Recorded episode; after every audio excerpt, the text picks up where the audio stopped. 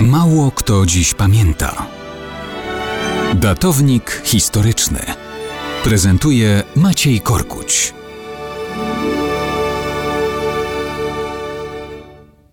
Mało kto dziś pamięta, że 6 marca 1945 roku premierem Rumunii został Petru. Nie, nie, nie Ryszard Petru. Petru Groza. I to jego nazwisko, a nie imię, lepiej w naszych uszach opisywać będzie postać wysokiej klasy zbrodniarza, kombinatora i bolszewika w jednym. Groza był wykształconym człowiekiem. Studiował prawo na uniwersytecie w Budapeszcie, Lipsku i w Berlinie. Obronił nawet doktorat. W latach dwudziestych XX wieku był wysoko postawionym urzędnikiem rumuńskim, ministrem w rządach partii chłopskiej. Działaczem ludowym byłby pewnie dłużej, gdyby nie fakt, że wykryto nadużycia finansowe i szybko się go pozbyto z partii. W latach 30. założył więc własną partię i związał się z komunistyczną konspiracją.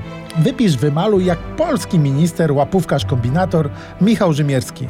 Ale Petru Groza w każdych okolicznościach potrafił zadbać o siebie.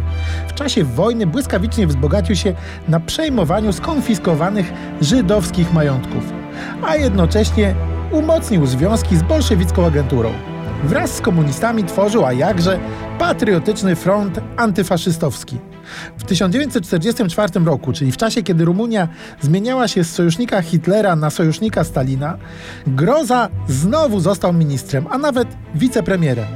Potem myk-myk i po wygenerowaniu przez komunistów kryzysu obalono rząd i Petru Groza został z pełnym błogosławieństwem Stalina premierem. To Sowieci już rozdawali karty. Był rok 45. Król jeszcze był, ale decyzję o nominacji grozy podejmowano w Moskwie. Władca Rumunii musiał podpisać, co mu kazano. Komuniści uzyskali pełną kontrolę nad Rumunią. To groza, nomen omen, prowadził krwawe rozprawy z przeciwnikami politycznymi. Zlikwidował jakąkolwiek opozycję, zlikwidował monarchię.